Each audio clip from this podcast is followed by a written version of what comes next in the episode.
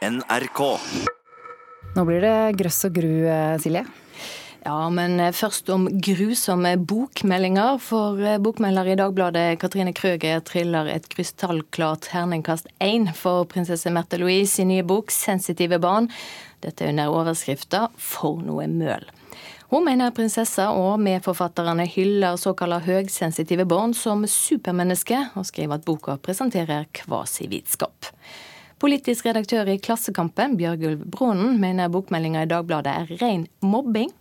Vi har snakka med prinsessa, som tar kritikken med ro. Kritikk i pressen er det er jeg vant til å takle. Så det holder jeg litt der ute. Til tross for at hun ser på seg selv som høysensitiv, mener prinsesse Märtha Louise at hun klarer å holde presseslakt på avstand. Og trolig er det en viktig evne, for Dagbladets Katrine Krøger sparer ikke på slakterkniven når hun anmelder den nye boken 'Sensitive barn' med overskriften 'For noe møl'. Det er jo ikke tvil om at den er slakt, og det er ikke tvil om at den er kanskje noen vil kalle det altfor rå, men jeg mener jeg skriver jo for Dagbladets lesere. Vi hyller bøkene i terningkast seks, og vi skriver at dette er en terningkast igjen, og så formulerer vi oss deretter. Politisk redaktør i Klassekampen, Bjørgulf Brånen, skriver på Facebook om anmeldelsen 'fordomsfullt og guffent'. Dette er mobbing og bør gjenkjennes som det. Men mobbestempelet vil ikke Krøger ha noe av. Unnskyld meg, det er jo ikke mobbing. For det første, hvis noen leser anmeldelsene, så vil de si det, her tenkte jeg, her skal jeg ikke si noe, her skal jeg bare sitere. Alt som står der, er hentet i boka. Og det verste er at jeg hadde så mye å ta av, så jeg hadde problemer med å gjøre den kort nok. Krøger reagerer sterkt på at forfatterne beskriver såkalt høysensitive barn som milde, kreative, pliktoppfyllende, høflige og mer rettferdige. Hun mener de blir beskrevet som mennesker som er mer verdt enn andre. Men der har hun misforstått grundig, mener Märtha Louise. Da har hun ikke lest boken ordentlig, tenker jeg da. Og det er ikke et forsøk på å gjøre dette til noe som at dette er på en måte 30% som er helt fantastiske i forhold til andre. Nei, alle har et sensitivt trekk, det er bare mer eller mindre sensitive. Og det kan være så sensitivt at det blir utfordrende. Hvordan takler vi det da? Hun får støtte av medforfatter Elisabeth Noreng. Det er helt normalt. Vi har en, en hel skala av følelser alle mennesker. Og de sensitive har litt mer av de eh, litt mer åpne på, i forhold til lyd og lukt. Aftenpostens Kjetil Østli har valgt en snillere tone i sin anmeldelse, selv om også han sliter med å forstå prosjektet. Jeg, jeg syns jo ikke dette er en spesielt god bok, men jeg, gjør mitt, eh, jeg mener at boka har krav på forfatteren har krav på at jeg prøver å møte det med en viss motstand og nysgjerrig respekt. Da. Hvis også han måtte kaste terning, hva hadde han gitt? Da må jeg bare være kjedelig. Jeg har ikke peiling. Det Krøger og Østli er enige om, er at det kan bli litt mye finføleri, særlig i et internasjonalt perspektiv.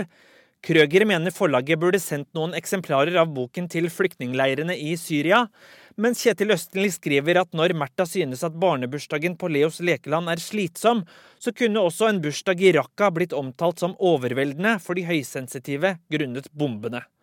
Men også her har Märtha svar på tiltale til slutt. Jeg tenker at uh, sensitive barn finnes overalt. Sånn er det. Uh, og vi må lære oss å leve med det uansett hvor vi er i verden. Denne boken handler om høysensitive barn ut fra det perspektivet vi ser dem her i Norge. Reporter Knut Øyvind Hagen.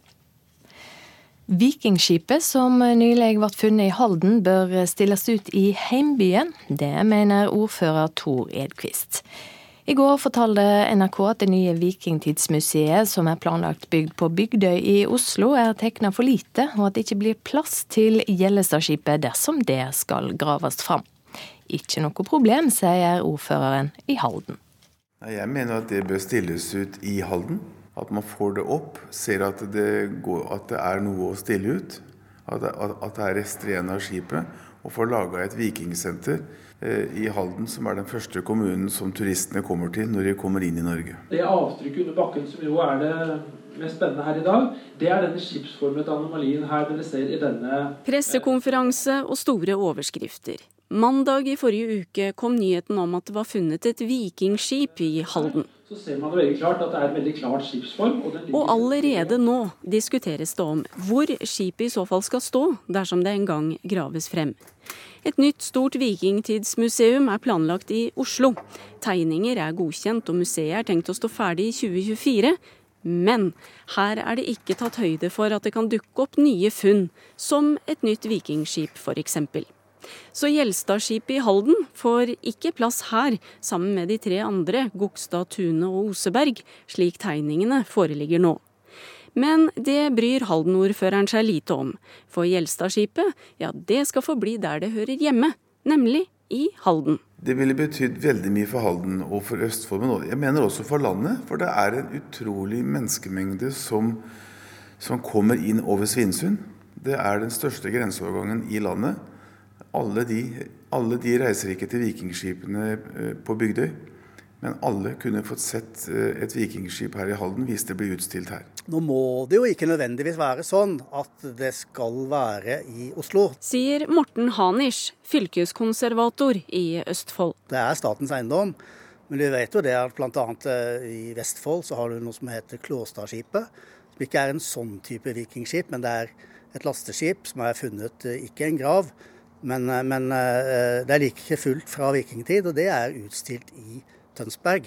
Så at det skal kunne være mulig, det, eh, det er ikke umulig at det kan ligge andre steder. Alt er mulig. Hvis man kan finansiere det, så er jo alt mulig i dag. Og finansieringa, da? Ja, det, det, mener jeg det er et nasjonalt anliggende. Vikingtiden er jo det viktigste nasjonale arven vi har, sånn sett fra andre land. Så der må vi ta vare på. Gjelstadskipet er over 20 meter langt og kan være et av de største skipene som er funnet fra vikingtiden. Og skal vi tro ekspertene, er det trolig en konge eller en høvding som er gravlagt sammen med skipet. Også her er Halden-ordføreren nokså sikker i sin sak. Siden det ble funnet her i Halden, så er det helt sikkert en konge.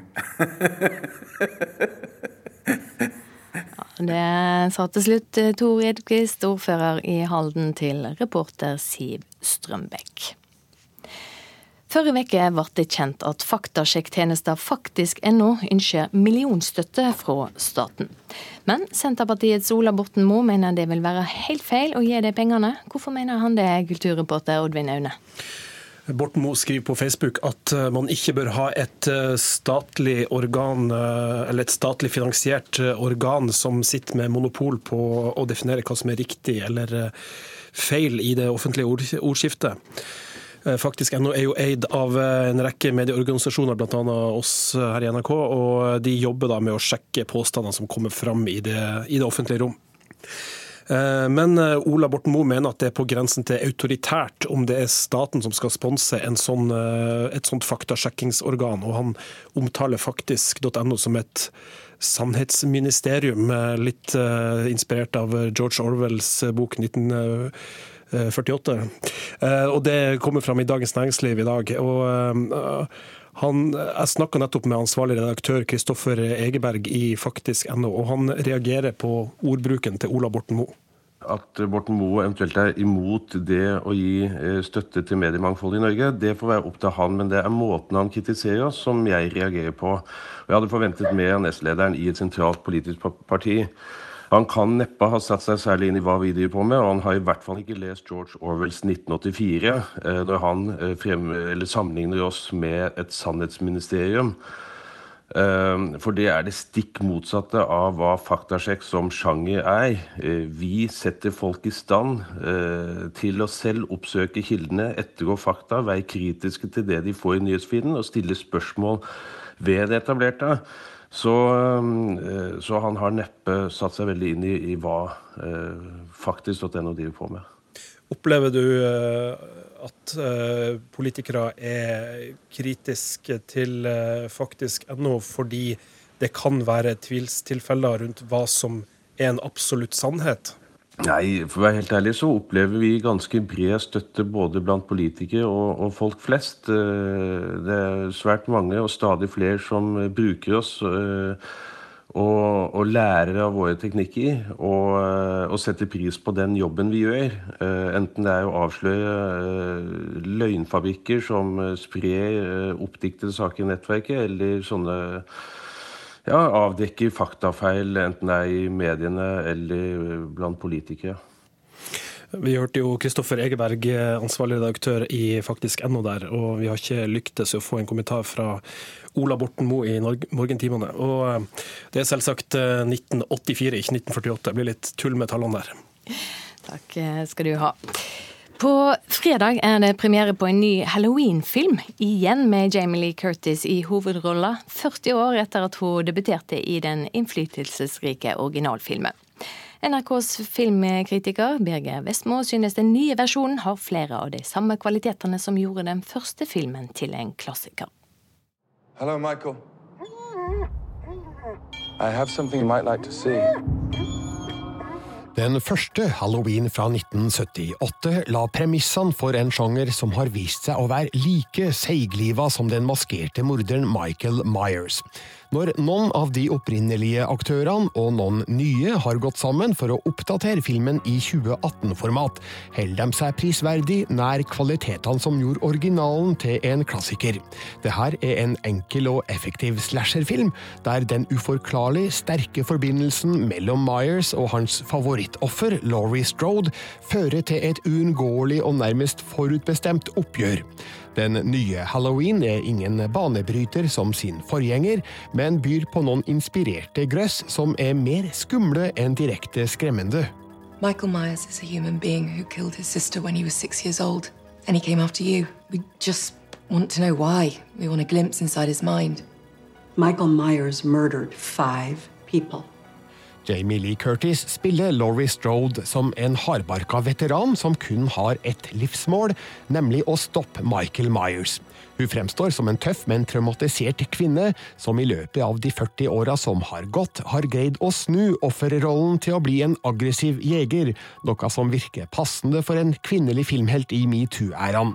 Michael Myers fremstår igjen som en maskin som utfører grusomme gjerninger, tilsynelatende uten følelser, motivasjon eller tankevirksomhet. Det er noe befriende over en antagonist som er så såre enkel og renskåren, men samtidig så uttrykksfull og karismatisk med sin karakteristiske maske. Et lett gjenkjennbart kulturelt ikon. Michael's here. Get downstairs. Go, baby, go!